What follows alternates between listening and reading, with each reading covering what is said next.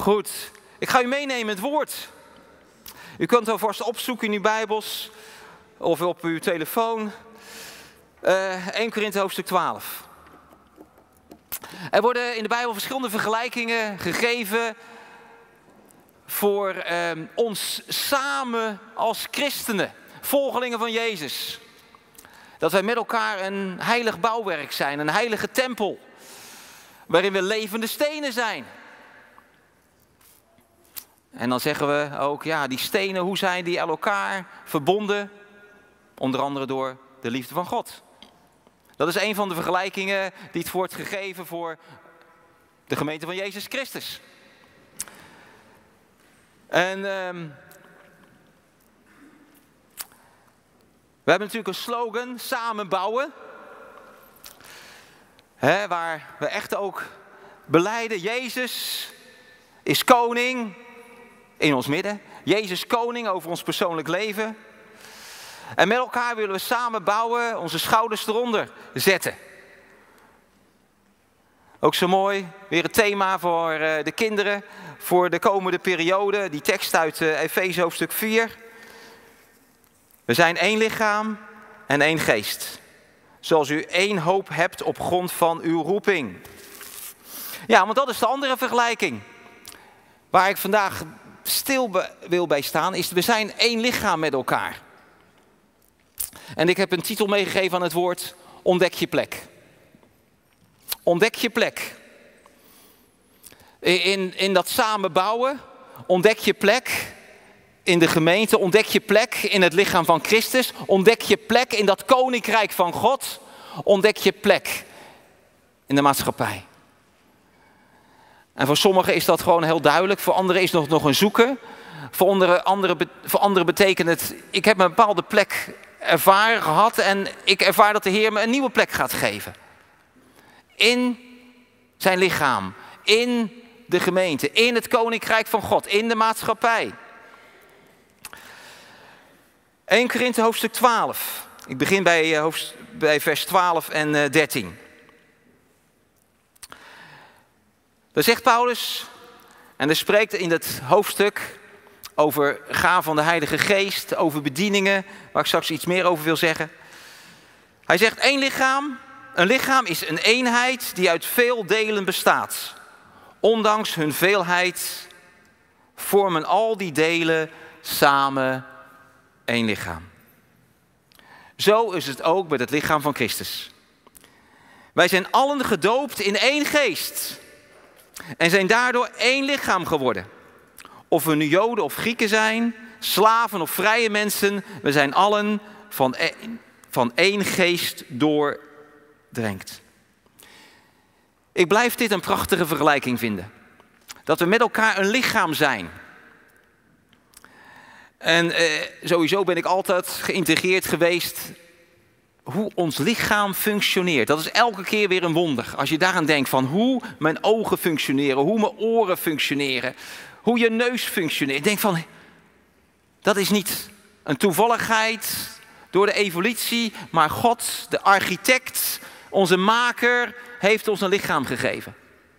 En in de Bijbel wordt ons optrekken met elkaar, ons samen zijn, ons datgene wat we gemeenschappelijk hebben, ons geloof, wij zijn met elkaar en vormen wij een lichaam. Een lichaam van Christus, waarvan Christus het hoofd is. De aansturing komt van Christus, het hoofd. En met elkaar vormen we dat lichaam.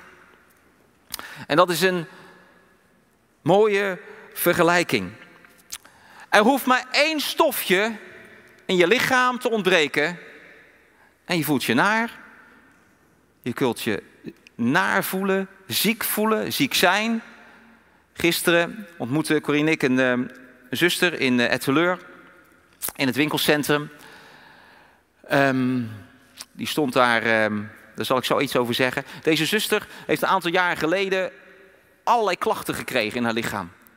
En onderzoeken, onderzoeken, bleek dat zij een tekort had aan vitamine B12. Eén vitamine. Dat is niet op tijd ontdekt en daardoor heeft zij schade gekregen in haar lichaam. Gewoon één stofje. wat ontbreekt in je lichaam. Waardoor zij ja, haar levensinvulling uh, best wel wat moet aanpassen vanwege vermoeidheid, klachten, pijnen enzovoort. Maar ze is zo, hoe zeg ik dat? Altijd vrolijk. Altijd hartelijk. Altijd ziende op de Heer. Ze gaat door. En we kwamen haar tegen. Ze stond voor een van de winkels daar in het winkelcentrum. Want zij heeft in haar hart gekregen op een gegeven moment. Omdat ze zelf, um, hoe noem je dat ook alweer? In de schuldsanering heeft gezeten, gezeten met haar gezin. Van, er zijn best wel heel wat arme gezinnen. Ook in Nederland. Waar kinderen heel weinig hebben. En ze heeft iets in haar hart gekregen om verjaardagsboxen te maken voor kinderen in arme gezinnen in Nederland. En zij verzamelt dus uh, artikelen daarvoor in, geld daarvoor in. Dat heeft ze opgezet. En dan stond ze bij het winkelcentrum briefjes uit te delen, mensen daarvan vertellen, enthousiast. Want ze heeft iets in haar hart gekregen om uit te delen. Om als christen iets te betekenen voor andere mensen. En ze is een evangeliste. Ze, ze deelt zo het goede nieuws. Hier zijn twee dingen in de voren komen. Om even aan te geven, één klein stofje die ontbreekt in het lichaam. En het heeft consequenties. En de andere is, ondanks dat er iets in je leven, in je lichaam kan zijn wat niet goed is, dat jij doorgaat, dat je voor Jezus gaat, dat je je plek in het lichaam inneemt, dat je niet bij de pakken neerziet, dat je niet zit op teleurstellingen of tegenvallers, maar dat je zegt, Heer, ik ben beschikbaar om me in te zetten in uw lichaam. Om mee te werken en mee te bouwen in uw koninkrijk. Wat is jouw instelling? Wat is mijn instelling?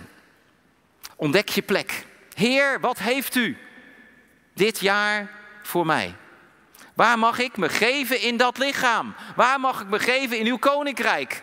Het koninkrijk van God is breder dan een lokaal lichaam, dan een lokale gemeente.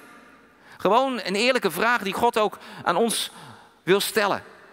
Want hij wil ons zo graag inzetten in zijn lichaam. En dat we allen mogen ervaren dat hij ons leidt op de juiste plek, op de juiste wijze, om iets te betekenen voor de ander. Want dat is het bijzondere in ons lichaam. Mijn vingers zijn er niet voor mijn vingers. Mijn mond is er niet voor mijn mond.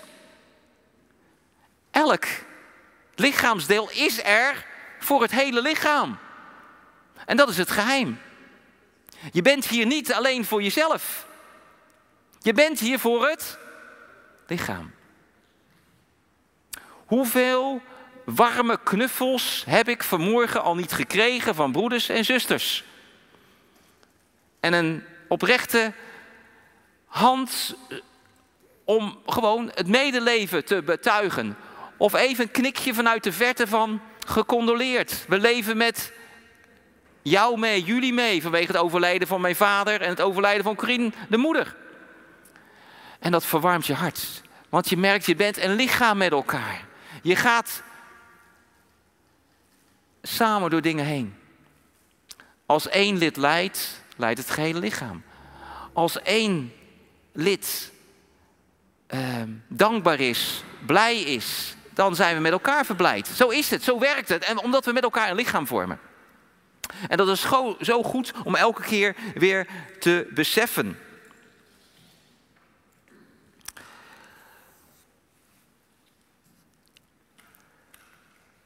De tekst. Zo is ook het lichaam van Christus. Wij zijn allen gedoopt in één geest en daardoor één lichaam geworden. We zijn allemaal doordrenkt van diezelfde geest van God. Dat is het verschil. Als je een vereniging vormt, een voetbalvereniging of iets. Ja, dan kan je de geest van Feyenoord hebben of de geest van die club. Maar wij hebben de geest van Christus. Dat maakt ons één.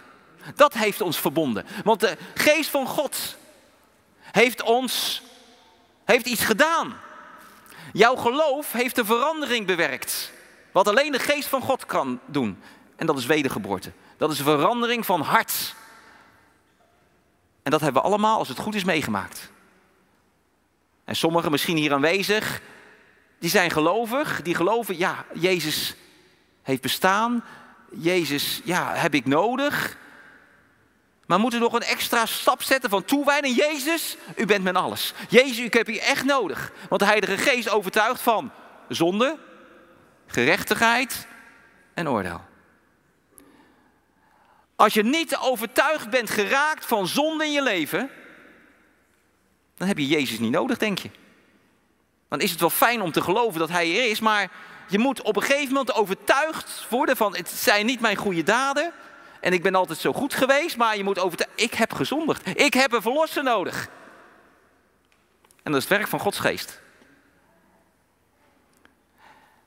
De Heilige Geest overtuigt van gerechtigheid. Je gerechtigheid heb je niet uit jezelf. Maar Jezus is jouw gerechtigheid. Waar de Heilige Geest ook van overtuigt, er komt een oordeel. Er komt een oordeel van God.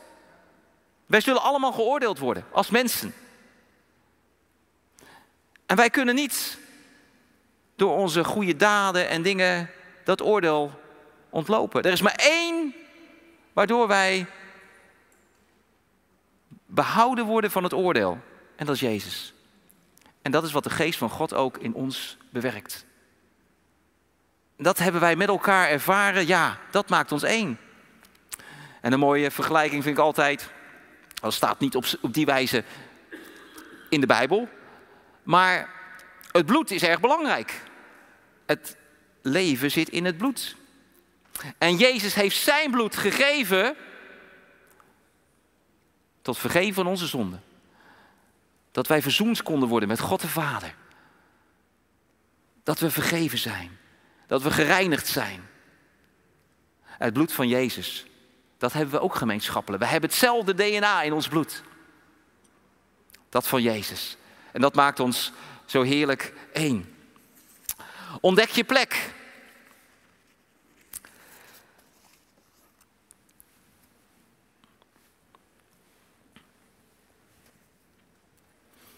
En zoals ik al zei, ontdek je plek in het lokale lichaam.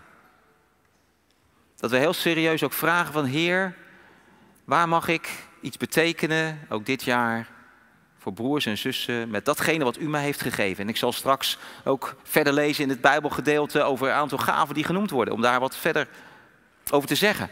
Maar ook ontdek je plek in het koninkrijk van God. Hè? God geeft ons soms een taak in onze omgeving, in, in de maatschappij, waar Hij wil dat we zijn, om een licht van Hem te zijn, om zout in onze omgeving te zijn. En dat is ook heel belangrijk om daar heel binnen mee Heer, wat is de mijn plek? Dat je niet maar zomaar een studie gaat doen of gaat solliciteren. Ik zie wel, maar Heer, heel duidelijk vraag, Heer, waar wilt u mij hebben? Wat is mijn plek in uw koninkrijk? En van daaruit in de maatschappij. En het, ik ken broeders en zusters. Die hebben echt ervaren.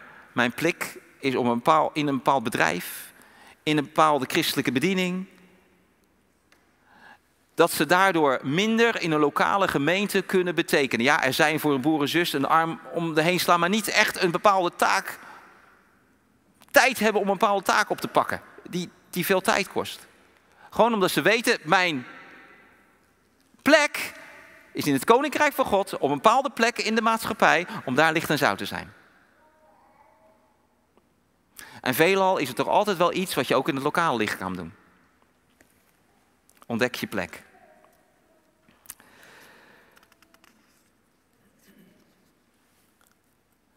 Eén Korinthe 12.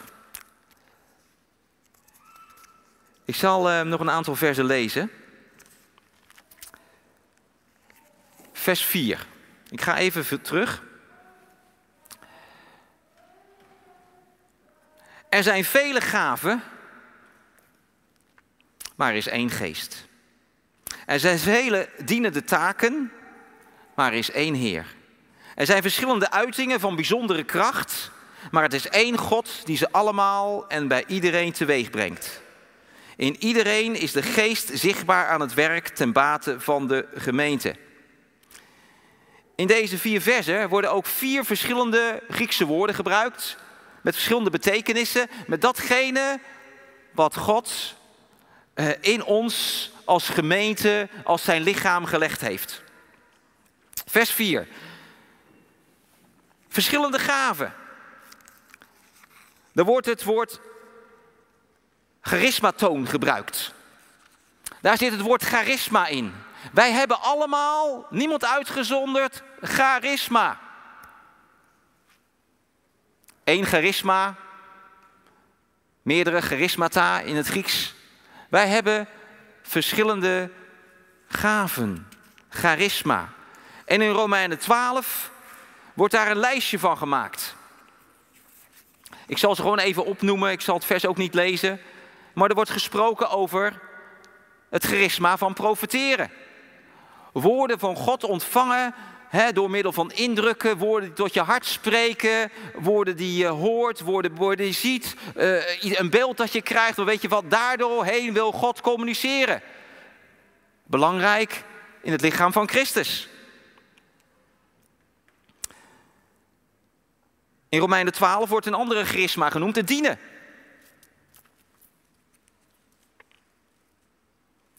Of onderwijzen.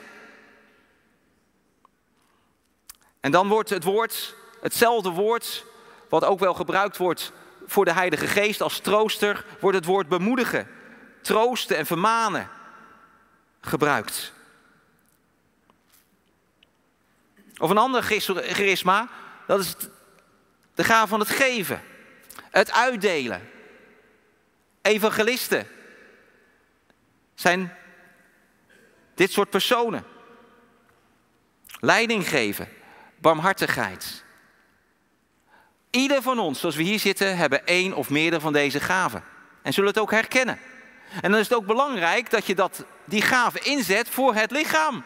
Dat je die gaven inzet voor de ander. En dat we daar ook serieus mee omgaan. Jezus die heeft gelijkenissen verteld over de talenten. Welk voor talent heb je gekregen? Dus het is heel belangrijk dat we ook daarmee bezig zijn dan Heer, op wat voor manier kan ik mijn gave, mijn talent inzetten voor uw koninkrijk en in uw dienst? En we weten, we hebben een genade voor God. We mogen in dingen groeien, we mogen dingen ontwikkelen. Van een baby vraag je niet veel. Van een peuter ook niet zoveel. Maar hoe ouder een kind wordt, hoe een ouder een persoon wordt, hoe meer je verantwoordelijkheid ook mag vragen van die betreffende persoon. En zo mogen wij groeien in onze gaven. En zullen we ook ontdekken dat we verschillende van deze gaven hebben. Bijvoorbeeld barmhartigheid. Maar ook bijvoorbeeld onderwijs geven. Dat je bijvoorbeeld iets beide hebben. En dat er een fase in je leven waar je meer het een doet en meer het andere doet. Goed om daar heel duidelijk bij stil te staan. Dan vers 5. Verschillende dienende taken. Er is een ander woord in het Grieks. Diakonion. Waar ons woord diaconie van afgeleid is. Een dienende taak. Praktische gave. Waarmee je dient. En dat kan verschillende uitingen hebben. Vaak op praktisch gebied. He, waarbij je vaak anderen graag wil helpen, waarmee je graag het lichaam wil dienen. Ik heb gewoon even een, eh, een opsommetje gemaakt van een aantal dingen die in mijn gedachten kwamen. Mensen die graag dingen klaarzetten. Uh, graag iets willen verzorgen, zoals in de catering. Het, schoonmaken. Onderhoud, geluid, techniek film opnemen, administratieve dingen. Gewoon helpen bij kinderen, bij jonge mensen, op wat voor manier dan ook. Praktisch helpen binnen of buiten de gemeente. Gewoon dienen. Op welke manier vraagt God jou te dienen? Dan vers 6. Er zijn verschillende uitingen van bijzondere kracht.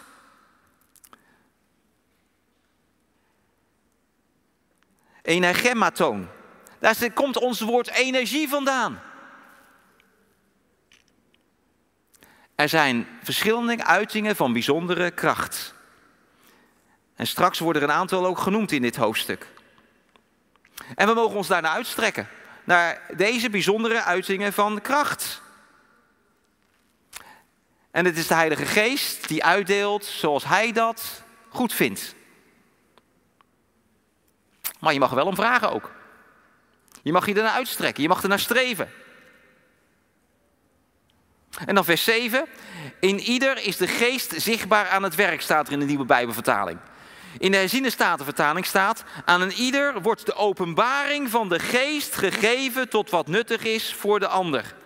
Ik vind dat wat duidelijker, omdat dat heel duidelijk het woord wat beter omstrijkt. Echt openbaring van de geest wordt aan sommigen gegeven.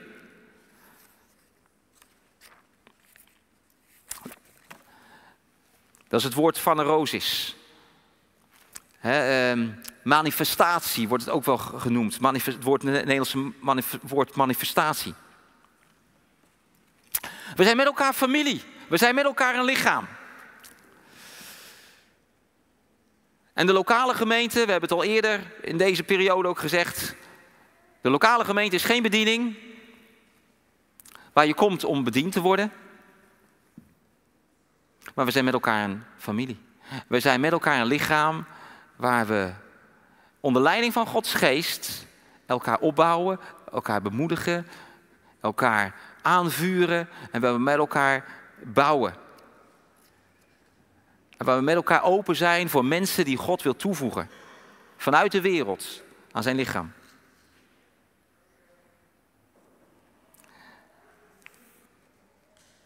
waarin we allemaal ons plekje hebben. Nou, welke ehm, gaven worden al zo genoemd in het hoofdstuk? Ik ga even naar vers 8 van 1 Korinthe 12. Aan de een wordt door de geest het verkondigen van wijsheid geschonken. Aan een ander door diezelfde geest het overdragen van kennis. De een ontvangt van de geest een groot geloof, de ander de gave om te genezen.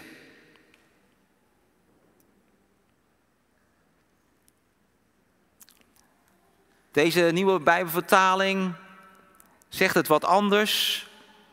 Kijk, er zijn ook vertalingen, er staat letterlijk een woord van kennis. En dat is ook best wel herkenbaar voor verschillende van ons die ook daarin functioneren dat je soms bovennatuurlijk een woord van kennis krijgt over een situatie, over een persoon, wat alleen maar van God kan komen. Mijn vrouw Corine, die hier vandaag vanwege het overlijden van haar moeder niet is, um, die heeft regelmatig door de tijd woorden van kennis gekregen. Gewoon over een over situatie, over hey, kan het zijn dat dit en dit in het verleden gebeurd is? kan het zijn dat je hier en hier mee zit, een woord van kennis. Zo goed dat dat kan functioneren in het lichaam. En belangrijk om je daar naar uit te strekken. Vorige week kwam een broeder naar me toe, die was op een bijeenkomst. Die strekt zich ook echt hier naar uit, zowel naar dit als naar gave genezing. Hij zegt, ik was er in een bijeenkomst. En hij zei, er is iemand die hier erge hoofdpijn, migraine heeft. En hij ging daarmee naar de leider en hij deelde het eventjes. Weet je ook wie dat is? Ja, ik heb de indruk dat ik weet wie dat is. Nou, en hij legt, vroeg gewoon in die bijeenkomst, wie is, is er iemand die migraine en hoofdpijn heeft? En precies degene die hij wist, dacht van, hé, hey, die is het, die, die, die gaf ook aan van, hé, hey, dat ben ik. En dan mocht er voor bidden en die persoon zegt, het wordt gelijk licht, gelijk, de hoofdpijn is gelijk weg. De combinatie van woord van kennis en genezing, die dan samengaan. En dat is zo iets moois om dat te ervaren. En dat we, we willen ook met elkaar een charismatische gemeente zijn. We willen dat het bovennatuurlijke, bovennatuurlijke functioneert, ook door jou en mij heen. En we mogen ons daarna uitstrekken. We mogen daarvoor bidden in de naam van Jezus. Bij de een, de een ontvangt van de geest een groot geloof en de ander gave om te genezen.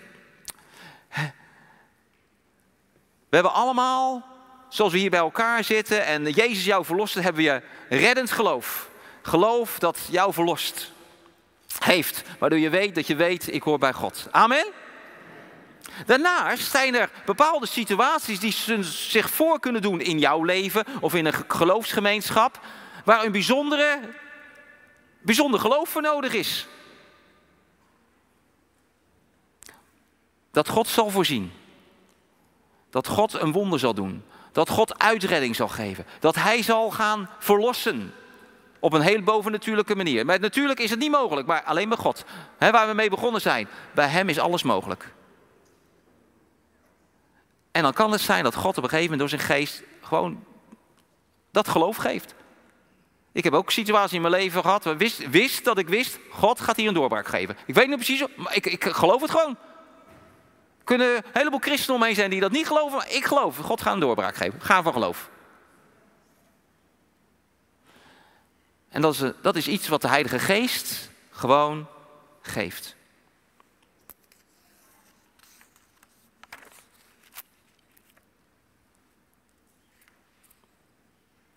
En weer anderen, vers 10, om wonderen te verrichten, om te profiteren, om te beoordelen. Of een profetie van de geest van God afkomstig is.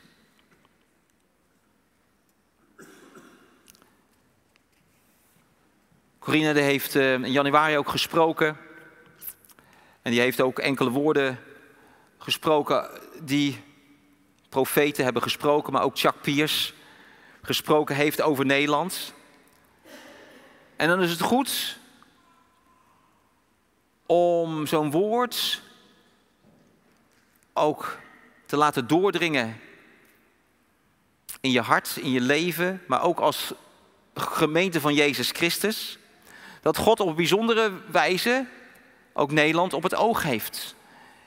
Als het beeld was van die WIP, waar Nederland, Nederland in dat centrum is, waar een belangrijke rol is in Europa, Rusland. En dat, laat maar zeggen, ons gebed daarin gewoon heel belangrijk is. Ik heb dat in geloof opgepakt. En als er momenten zijn, dan bid ik daar heel specifiek voor. Ook in een geloofsgemeente, ook, laat maar zeggen, gezamenlijk gebed. Want we zijn gekomen in een nieuwe dimensie. Iets wat anders wat Chuck Pierce zei, aanbidding zal meer tot leven komen door het hele land. Zullen aanbidders bij elkaar komen. Hij heeft ook gesproken van, dat zie je natuurlijke, maar ook geestelijk, er woedt een oorlog, een geestelijke oorlog. We hebben niet te worstelen tegen bloed en vlees. En dat we onze positie moeten innemen. En dat we ook strijdvaardig dienen te zijn. We soms kunnen we tegen situaties aanlopen waar we echt een oorlogsmentaliteit dienen te hebben. En onze prioriteit is, is af te stemmen op de Heer. Onze prioriteit is tijd te nemen met Hem. En ook in de voorbeelden te zijn voor ons land en voor Europa en voor situaties zoals in Rusland en de Oekraïne.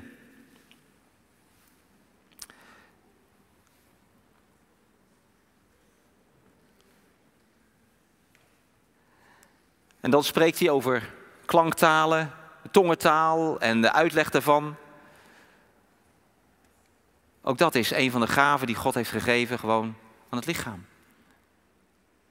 En dan is er verschil, hè? dat weten jullie, hè? tussen eh, als uh, je hebt een persoonlijke tongentaal, een gebedstaal die je gewoon gebruikt, hè, uh, of je nou thuis bent of onderweg bent, of uh, samen, je hebt een kleine samenkomst en we bidden allemaal met elkaar in tongen, in die klanktaal. En daar gaat kracht van huis. Wie ervaart dat? Wie weet dat? Ja, dat is zoiets moois wat God heeft gegeven. En ik geloof, het is voor alle gelovigen. Als je dan uitstrekt, God wil je geven. Dat hoort bij de vervulling met de doop met de Heilige Geest. Daarnaast, en daar spreekt dit gedeelte over, de klanktaal de tongentaal die in de gemeente gebruikt wordt zoals een profetie die uitgesproken wordt in de gemeente waar God iets wil zeggen tot de gemeente. En als er zo'n klanktaal, zo'n tongentaal klinkt, die moet, die uitgelegd worden. Er moet een uitleg van komen. En ook dat is tot opbouw stichting van de gemeente. En ook daar mogen we ons naar uitstrekken.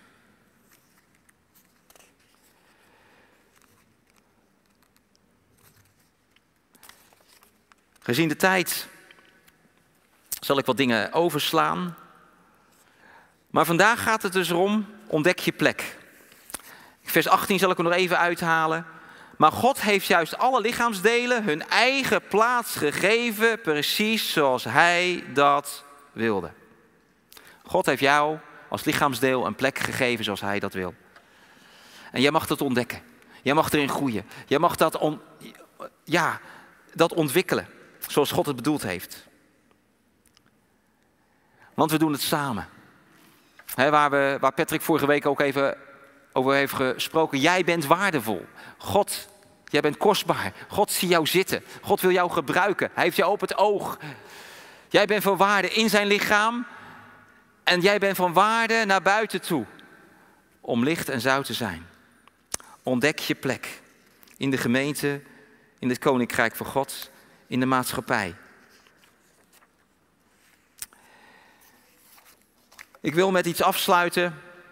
Dat is uh, ja, iets gewoon heel persoonlijks. Dat heeft uh, met het overlijden van mijn vader te maken. En het overlijden van uh, Corine moeder te maken. Mijn vader afgelopen woensdag is die heen gegaan. We hebben de afgelopen weken hebben we daar hebben we afscheid kunnen nemen. Hebben we dat een plekje kunnen geven al. En uh, wisten we, het is goed. Hij gaat naar de Heer toe. Hij verlangde zo naar Jezus te gaan. Hij zegt, daar is het zo goed. Hij verlangde echt naar Jezus. En dat was ook goed voor mijn moeder. Dat was goed voor ons om op die manier hem los te kunnen laten. En dat is gelukkig een, een, een proces geweest. En de avond voordat hij stierf, hebben we nog met de zonen, een aantal van de schoondochters, en mijn moeder rondom zijn bed gestaan en we hebben met elkaar gezongen. Lichtstad met uw paarlenpoorten, een gouden ouwe. Wat een emotioneel moment was dat. Hij was niet meer bij. De laatste twee regels van elk lied kon ik, kon ik niet zingen. Vanwege de brok in mijn keel, vanwege de tranen in mijn ogen. We hebben een heerlijk weerzien. Mijn vader ik denk dat hij de gave heeft gehad van uitdelen. Want hij wilde zo graag het evangelie altijd delen. En hij heeft op een half A4'tje heeft hij woorden geschreven. En uh, dat wist ik niet, dat hij dat eigenlijk zo regelmatig de afgelopen jaren gedaan. Hij heeft duizenden flyers uitgedeeld aan mensen, onder ruitenwissers gedaan, omdat hij zo zich bewust is van de eeuwigheid dat we mensen hier op aarde een keuze moeten maken. En hij ervoor, dit is mijn plekje om dat te doen en dat te blijven doen. In het ziekenhuis, hij heeft dus begin januari twee weken in het ziekenhuis gelegen. Hij belde dan mijn moeder op om te zeggen, neem nog een aantal van die foldertjes mee. En mijn broer Gerard en Lydia, die hebben er een mooie flyer van gemaakt.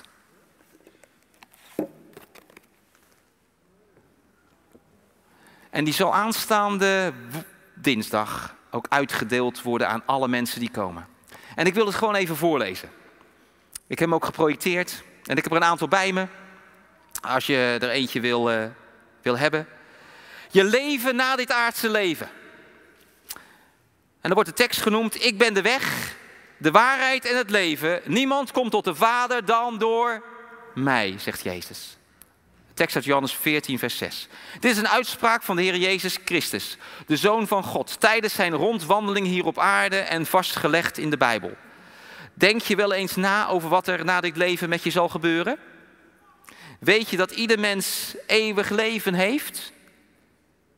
Misschien denk je dat er na jouw overlijden niets meer is. Dood is nu eenmaal dood.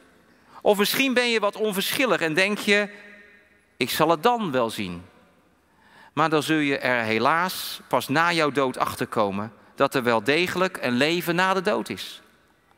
De keuze waar je geest en ziel naartoe gaat, wordt hier op aarde door jou gemaakt. Echter, God laat jou nu de vrije keuze waar je straks naartoe gaat. Iemand die de Heer Jezus heeft aangenomen als zijn redder en Heer gaat naar de hemel, waar God en de Heer Jezus zelf ook wonen. Iemand die Jezus als Heer van zijn leven afwijst, zal na de dood gescheiden van de liefdevolle Hemelse Vader verder leven. De Bijbel spreekt van een plaats waar pijn en verdriet zullen zijn. Zie Lucas 16, vers 19 tot 31. Kies daarom, als u dit nog niet hebt gedaan, voor de Zoon van God, de Heer Jezus Christus. Het is zo eenvoudig. Vraag Hem in een gebed dat je Hem aanneemt als Zijn volgeling. Zijn verlangen is dat niemand gescheiden van Zijn liefde zal zijn en ieder voor eeuwig bij Hem in de hemel zal wonen. De keuze is aan jou. Deze woorden, deze flyer heeft de afgelopen jaren duizenden van gegeven aan mensen, verspreid aan mensen. En ik ben overtuigd, later in de eeuwigheid zullen mensen zijn die zeggen, dit heeft me aan het denken gezet. Want het is serieus, lieve mensen. Het is leven of dood. Hemel of hel. Ontdek je plek in het lichaam van Christus. Omdat het serieus is. Omdat je graag iets wil bijdragen aan de voortgang van het koninkrijk van God. Tot de opbouw van het lichaam van Christus. Het lichaam van mijn vader was op. Maar tot de ene laatste dag was zijn geest zo helder, zo scherp. Zowel met betrekking tot natuurlijke zaken als met betrekking tot geestelijke zaken. maar hij is bevorderd tot heerlijkheid. En voor ons was het gewoon ja, best even schrikken toen mijn schoonmoeder ook de dag daarna overleed. Plotseling. Ik hou heel veel ook van mijn schoonmoeder. Ik mag gelukkig ook op de uitvaart aan zo'n donderdag een aantal woorden ook delen in Frankrijk. En ehm, ik heb ook het vertrouwen dat zij de beheer is.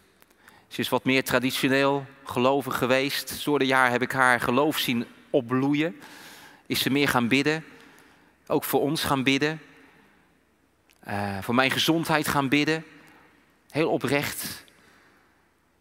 Uh, niet charismatisch. Maar wel gelovig.